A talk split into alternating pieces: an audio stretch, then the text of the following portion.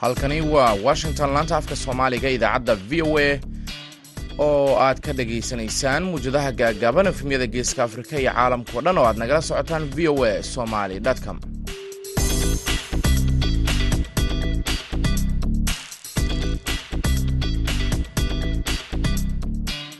wanaagsan dhegaystayaal waa maalin axada siddeed iyo labaatanka bisha agost sanadka labada kun iyo labaiyo labaatanka. Afrikada bari saacaddu waxay tilmaamaysaa kuwda iyo barka duhurnimo. Washingtonna saacaddu waa lixda iyo barka subaxnimo. Idaacadda duhurnimo ee barnaamijka dhallinyarada maanta waxaa idinla socodsiinaya anigoo ah maxamed bashiir cabdiraxmaan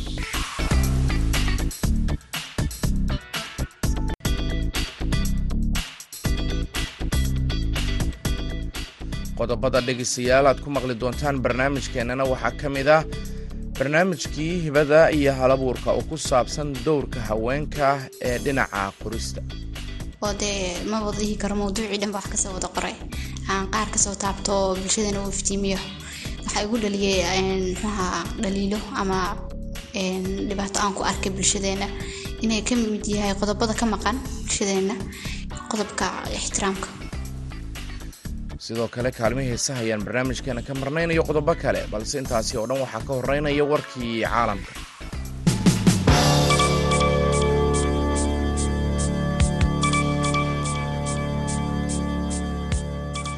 laba markab oo ah kuwa dagaalka oo maraykanku leeyahay ayaa axadda maanta ah ka gudbay marinbiyuudka taiwan. Sida ay sheegeen ciidamada badda ee maraykanka waana howlgalkii ugu horreeyey tan iyo markii shiinuhu oo u dhoolatus military oo aan horey loo arag ka sameeyey aagga jasiiradda.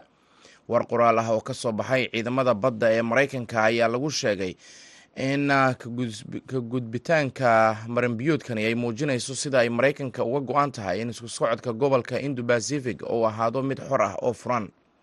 Xiisada ka taagan marinbiyuudka taiwan ayaa waxa uu bishan gaaray halkii ugu xumayd muddo sannado ah kadib markii afhayeenka aqalka wakiilada maraykanka nancy pelosi ay booqatay taiwan beijing ayaa si cara leh uga jawaabtay iyadoo bilowday dhoolotus hawada iyo badda isugu jira oo maalmo socday kaasi oo ay ka samaysay hareeraha jasiiradda taibi ayaa cambaaraysay dhoolotuskan iyo tijaabada gantaalaha iyadoo loo diyaarinayo duulaan sida ay sheegtay. Taiwan ayaa ku jirta hanjabaad joogto ah oo kaga imaanaysa shiinaha kaasi oo sheeganaya in jasiiraddan dimuqraadiga ah ee sida iskeed isku xukunta ay qayb ka tahay dhulkeeda caasimadda libiya ee tripoli ayaa hadda maanta ah degan maalin kadib markii uu magaalada ka dhacay dagaalkii ugu xumaa muddo laba sano ah. Kaasi oo ay ku dhinteen labaiyo soddon qof ayna ku dhaawacmeen boqol konton iyo sagaal qof. Xukuumadda taageerada ka haysata baarlamaanka ayaa ku guuldaraysatay inay magaalada ka saarto xukuumadda fadhigeedu yahay halkaasi. Wadooyinka caasimadda ayaa ahaa kuwa ay mashquuliyeen gaadiidku iyadoo ganacsiyadiina dib loo furay dadkuna ay xaaqayeen muraayado iyo waxyaabo kale oo ku burburay dagaalkii shalay. Dagaalka ayaa sare u qaaday cabsida ah in dagaal ballaaran uu ka qarxo dalkaasi libiya kadib markii ismariwaa siyaasadeed uu ka dhex aloosmay. Ra'iisul wasaare cabdulxamiid al dayba ee fadhigiisu yahay magaalada tripoli iyo fatxi bashakja oo doonaya in xukuumad cusub ay u saldhigato caasimadda tripoli isku dayga bashaqa uu ku doonayo sabtidii uu ku doonayay sabtidii inuu kula wareego gacankuhaynta tripoli ayaa ah markiisii labaatan iyo bishii may ee sanadkan. Warkii dunidana dhegeystayaal waa naga intaa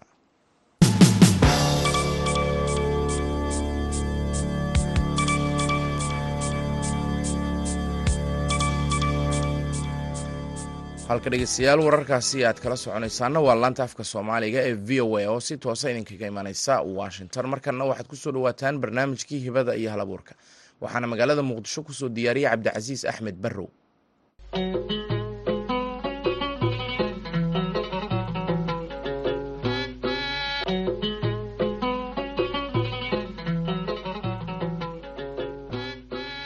nabaday dhegaystayaal ku soo dhowaada barnaamijkii hibada iyo hal abuurka oo idinkaga imaanaya magaalada muqdisho. Waxaa idila socodsiinaya anigoo cabdilcasiis barrow ah. Toddobaadkanna waxaa marti igu ah xamdi axmed saciid oo loo yaqaano dhowl qaran oo ka mid ah gabdhaha dhallinyarada ah ee qoraaga ah oo dhowaan soo bandhigtay buuggeedii labaad oo lagu magacaabo isha ixtiraamka. Waa buug si gaara uga hadlaya ixtiraamka iyo waxa uu bulshada uga dhigan yahay waxaana ay ka mid tahay dhallinyarada weli ku jira waxbarashada jaamacadaha. Waxaan ka wareysan doonaa buuggeeda iyo waxyaabaha uu ku saabsan yahay iyo si gaar ah waxyaabaha ku kalifay in ixtiraamka ay wax ka qorto. Xamdi marka hore soo dhawo waxaad iga warantaa iga waran buuggaadan la yidhahda isha ixtiraamka iyo waxyaabaha uu ka waramayo iyo sababaha kugu kalifay ixtiraamka. Mawduucaas inaad qaadato aad wax ka qorto waa mahadsantahay walaal. Waa dhowahayn aada u mahadsan tahay buugaygan isha ixtiraamka. Waxa igu dhaliyay keliya inaan buuggan dhiganahan aan ka qoro. Aan doorto mawduuca kan baaxadda weyn. Oo dee ma wada dhihi karo mawduucii dhanba wax ka soo wada qoray. Aan qaar ka soo taabto oo bulshadana uu iftiimiyo. Waxa igu dhaliyay muxuaha dhaliilo ama dhibaato aan ku arkay bulshadeena inay ka mid yahay qodobada ka maqan bulshadeena qodobka ixtiraamka waa gartay marka ixtiraamkii baad wax ka qortay anigu waa markii ugu horreysay aan arko qof dhallinyaro ah oo ixtiraamkii bulshada wax ka qora dalkiiyo burburay. Hadda uun dib u soo kabanaya tiknolojiyad casriya wax fara badan la galay. Bal waxaad iiga warantaa inta buuggan oo waqti kugu qaatay daraasadaad ku samaysay. Wallaahi wuxuu ku qaatay waqti aada u dheer aadna u yar.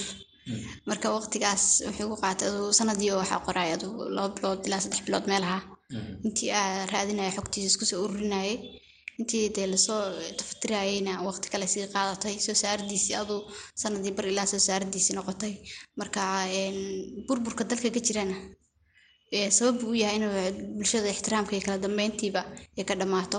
Bulshada aan is ixtiraamin oo kala dambeyn maaha bulsho hore u socota. Waxaa dalkeena maanta halkaa dhigayna waa qodob muhiim ka yahay ixtiraamka oo ka maqan. Haddii shacabka yahay haddii dowladdu tahayba labadaba waxaa ka maqan ixtiraamka iyo kala dambeynta. Waa gartay intaan hadda buugga baalashiisa rogrogayo waxaan arkay qodob aad soo qaadato aad leedahay sida loo barto ixtiraamka. In qofka soomaaliga ah nool maanta soomaaliya jooga ama meel kaleo dunida ka midaba ixtiraamka inuu barto way muhiim u tahay markii aad fiiriso baaritaankii aad samaysay iyo waxa buugga ku qoran beenta. Haa muhiim bay u tahay nolosho dhan ixtiraamku muhiim buu yahay. Quruxda qofkaba ixtiraamka waaye baas dhihi karaan. Quruxda maanta oo qof ka muuqata qof qurux badan oo dee magac leh ama dee waxtar leh oo bulshada dhihi karaan qofka qofka qiimuu leeyahay dhihi karaan. Waxa kaliya loo qiimaha ku yeelayaba waa ixtiraamka.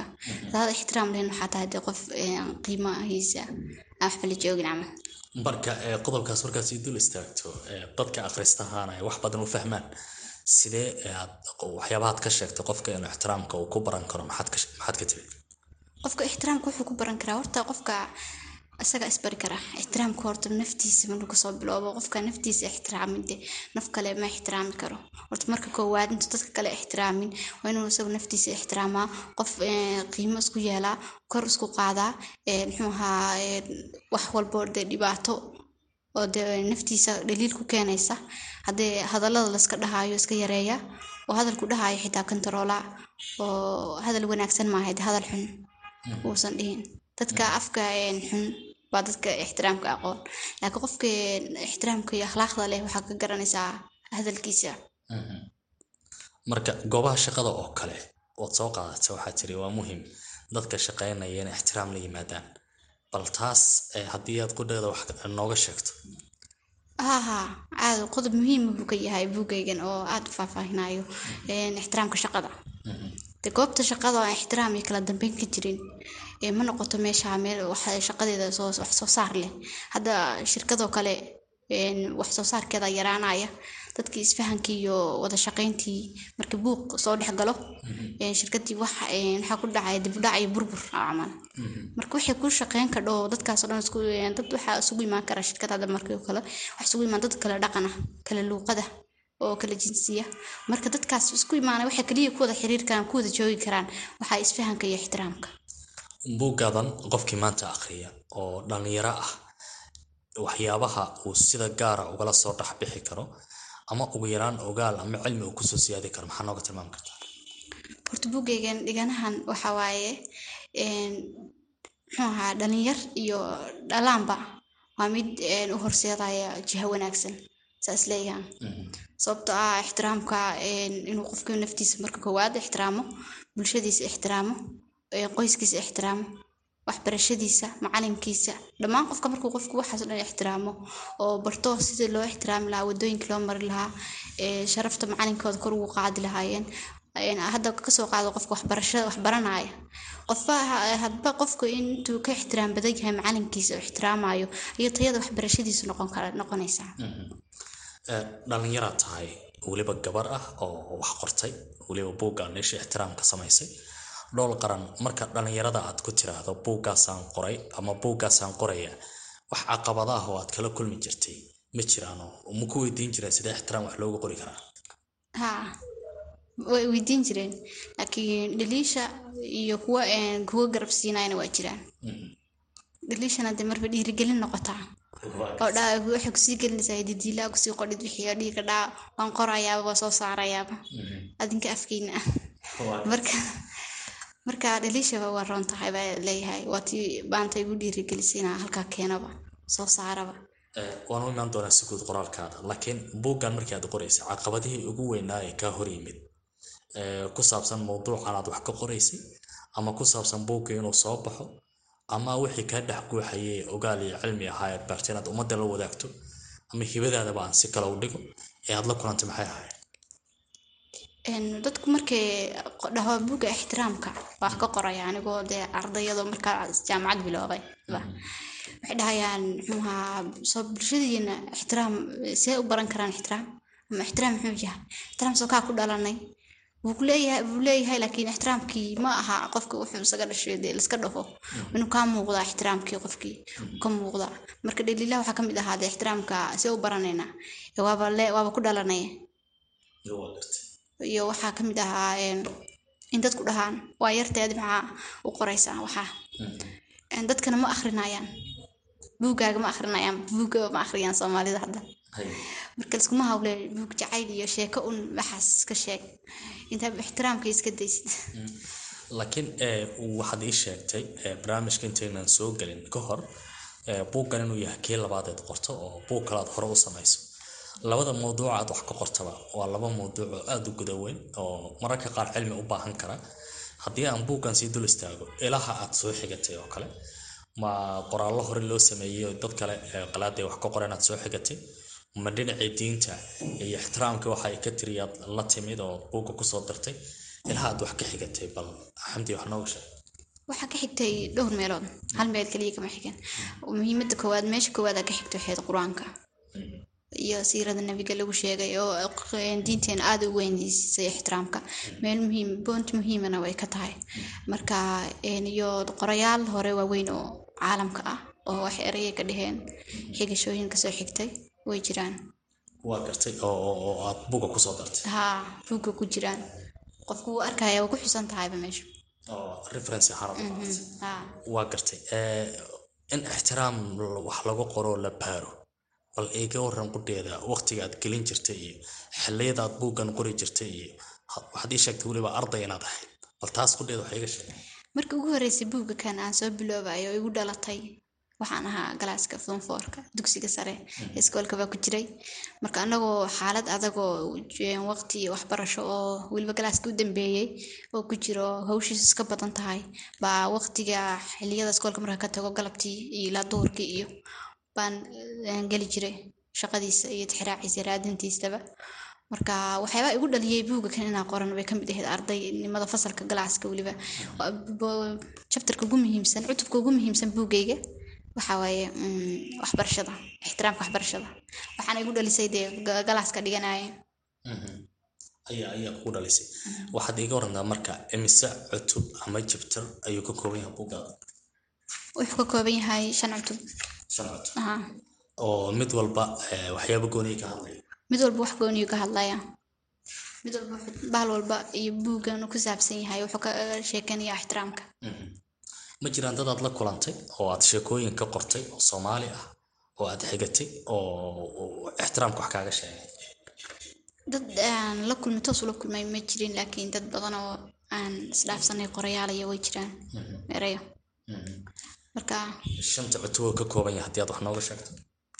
Cutubka koowaadee buugga wuxuu ka qeexaya ama ka faaloonayaa waa maxay ixtiraam horta? Ixtiraamka wuxuu yahay uu qofka u bikaacinayaa cutubka labaadna wuxuu ka hadlayaa ixtiraamka bulshada. Cutubka saddexaad wuxuu ka hadlaya ixtiraamka naftaada. Oo kan ugu muhiimsana uu arko. Naftaada sidee u ixtiraamaysaa? Naftaada see u ixtiraamaysaa su'aashaa markii hore ka soo jawaabay haddana waxaa naftaada qofku u ixtiraamayaa qofku inuu naftiisa qiimeeyo. Oo de waxaa ka ugu muhiimsan naftaada oo lagu garanaya inaa qof ixtiraam leh dad tahay. Ina aduu ereyada ku hadlaysid hadalkaaga. Qof iska hadlayna noqotid iyo qof hadal miisaanan lehna ku hadashid camal inaa naftaada qurxisid oo de qiime qof hadaf iyo yool leh nolosha oo dad badan dhihi karaan. De markaa darajo gaadhidba dadku ku qiimeynayaan soo maha marka laakiin qof hadaa meelaha iska wareegayatid oo waxba noloshiisa la joogin. Marka dee dadka kale ku ixtiraam iyo qiimaba ku yeelamaysid agtooda. Marka intaada naftaada dadka kale ixtiraamin. Hadduu qof meel ka soo baxo bulshadu ixtiraamaan oo qiimeeyaan noqo markay iyaga qiimo ku siiyaan aadna qiimo siinaysaa. Aad iyo aad. Cutubyada kale ee afar iyo saddex afar iyo shan oo kale haddii aad sii guda gasho cutubka shanaad wuxuu ka hadla cutubka afraad wuxuu ka hadlayaa ixtiraamka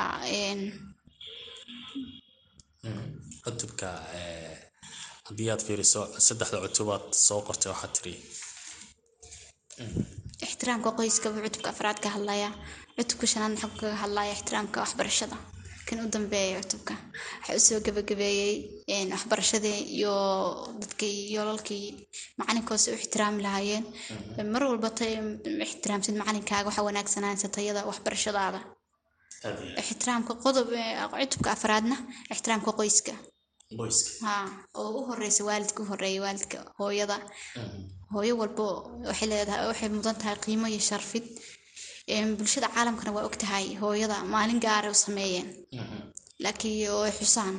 Laakiin diinta islaamka maaha wax maalin la xuso ama sanad la xuso. Sharafta iyo qiimahay leeyihiin waalidka. Waa wax daqiiqad walba iyo saacad walba la xuso. Ay sharfan yihiin siisa diinta islaamka. Waa gartay buug kalaad qortay oo afkaab la yiraahdo. Bal buugaasna muxuu ka waramayaa buugga afkaab wuxuu ka hadlayaa wuxuu ka saarayaa adigu erebixin waaye erayo soomaaliya oo horey u jiray oo dad badanaa la kaashaday oo soo ururiyey buuggaasna waxaa igu dhaliyey erey maalin la weydiiyey. Ereygaas muxuu ahaa?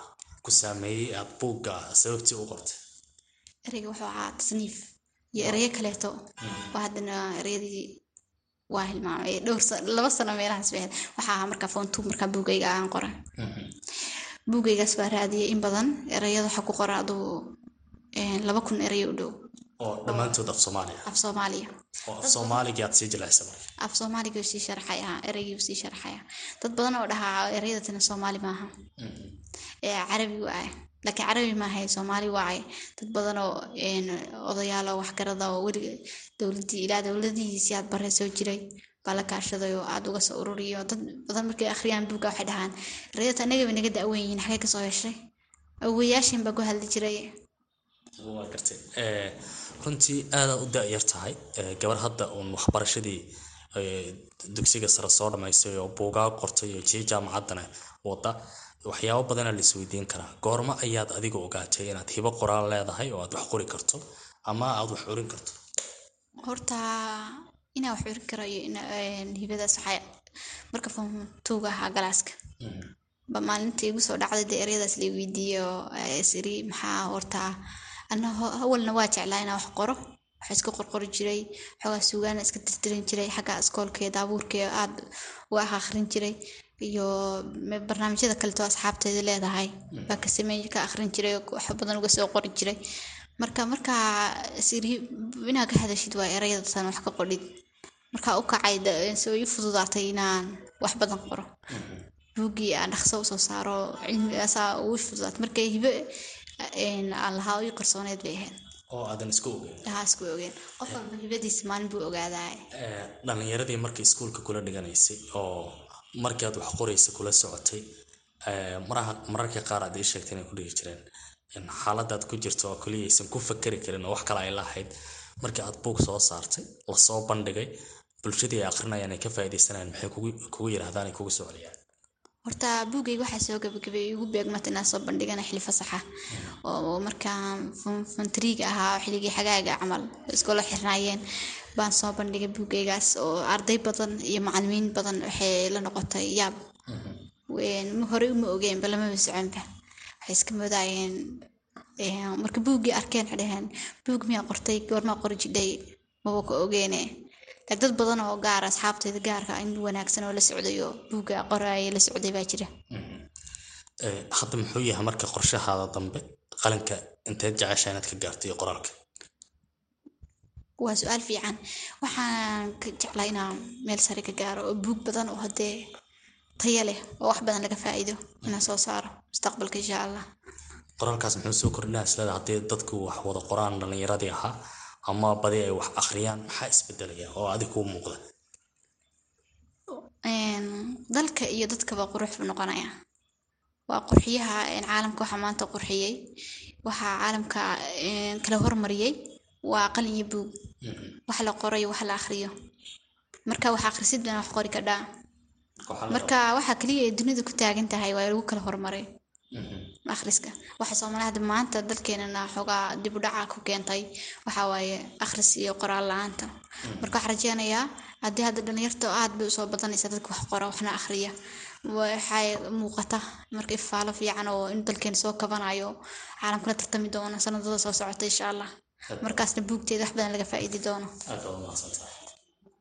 intaas ayaan ku soo gabagabeynayaa barnaamijkii hibada iyo hal abuurka laanta afka soomaaliga ee v o a waxaa idila socodsiinaya anigoo cabdilcasiis barrowa oo jooga magaalada muqdisho. Tan iyo barnaamijkan mid la mid ah intii aynu ku kulmi doono dhegaystayaal waxaan idin leenahay nabadgelyo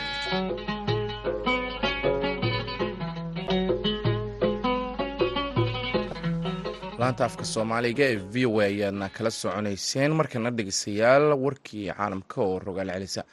Laba markab oo kuwa dagaalka ah uu maraykanku leeyahay ayaa hadda maanta ah maray ama ka gudbay marinbiyoodka taiwan. Sida ay sheegtay ama uu wariyey ciidamada badda ee maraykanka. Waana howlgalkii ugu horreeyey tan iyo markii shiinuhu uu dhalotus military oo aan horey loo arag ka sameeyey aagga jasiiradda taiwan war qoraalaha oo ka soo baxay ciidamada badda ee maraykanka ayaa lagu sheegay in ka gudbistani ay muujinayso sida ay maraykanka uga go-an tahay in isku socodka gobolka indo bacific uu ahaado mid xor ah oo furan.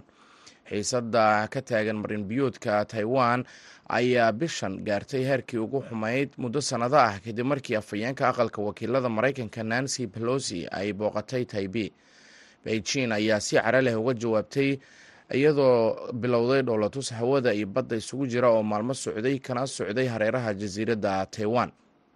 Taibe ayaa cambaaraysay dhowlatuskan iyo tijaabada gantaalaha ee uu shiinuhu sameeyey iyadoo sheegtay intaasi ay loogu diyaar garoobayo duulaan ka dhanah jasiiradda caasimadda libiya ayaa hadda maanta ah ah mid degan kadib markii shalay uu magaalada ka dhacay dagaalkii ugu xumaa muddo laba sano ah kaasi oo ay ku dhinteen labaiyo soddon qof ayna ku dhaawacmeen boqol sagaal iyo konton qof. Xukuumadda taageerada ka haysta baarlamaanka dalkaasi ayaa ku guuldaraysatay inay magaalada ka saarto. Xukuumadda uu fadhigeedu yahay caasimadda dalkaasi libiya waddooyinka caasimadda ayaa maanta waxaa buux dhaafiyey gawaarida dadka iyadoo ganacsiyadiina dib loo furay dadkuna ay ka xaaqiyeen muraayado iyo waxyaabahii kale ee ku burburay dagaalkii shalay. Dagaalka ayaa sare u qaaday cabsida ah in dagaal ballaaran uu ka qarxo dalkaasi libiya kadib ismariwaa siyaasadeed oo ka dhex aloosmay ra'iisul wasaare cabdulxamiid adayba ee fadhigiisu yahay magaalada tripoli iyo fatxi bashaaqa oo doonaya in xukuumad cusub uu u saldhigo caasimadda tripoli. Isku dayga bashaaqa uu ku doonayay sabtidii inuu kula wareego gacan ku-haynta tripoli ayaa ah markiisii labaad ee uu isku dayo tan iyo bishii may ee sanadkan. Markana dhegeystayaal waxaynu jilleecinaa dhinaca kaalmaha haysaha iyo codkii cabdi tahliil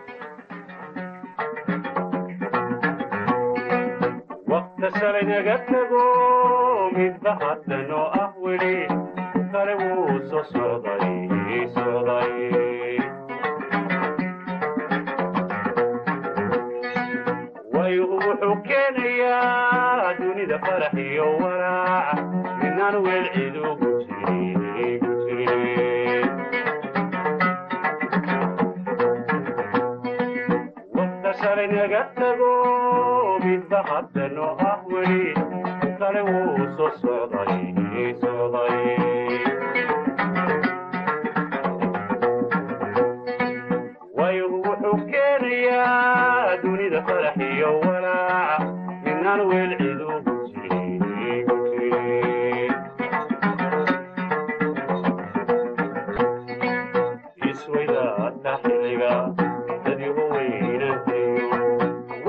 wadiyo gabow baa ku jiray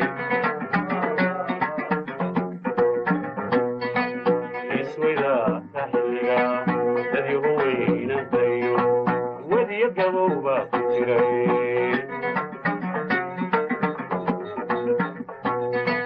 sidaasi waayaarago wariyo sheeka ku jira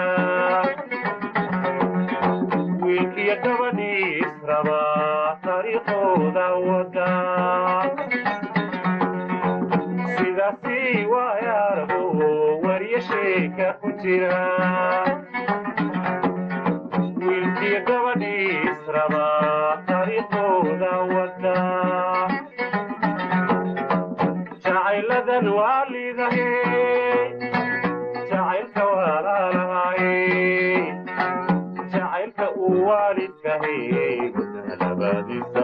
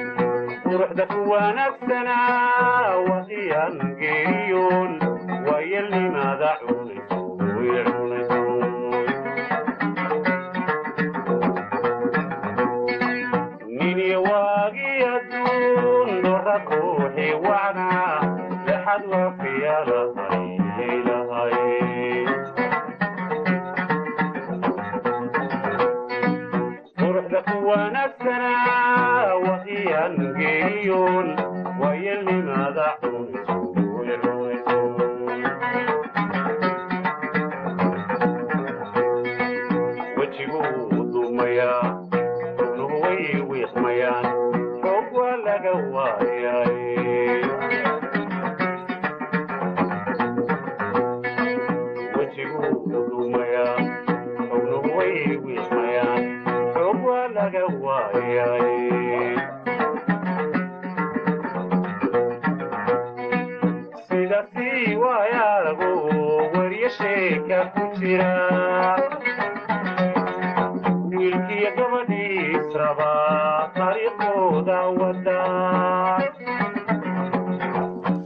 codkaasi allahu naxariistay cabdi tahliil warsame wuxuu gabagabo yahay idaacadii duhurnimo ee barnaamijka dhallinyarada. Maanta tani kulanti dambe waxaan idin leenahay nabadgelyo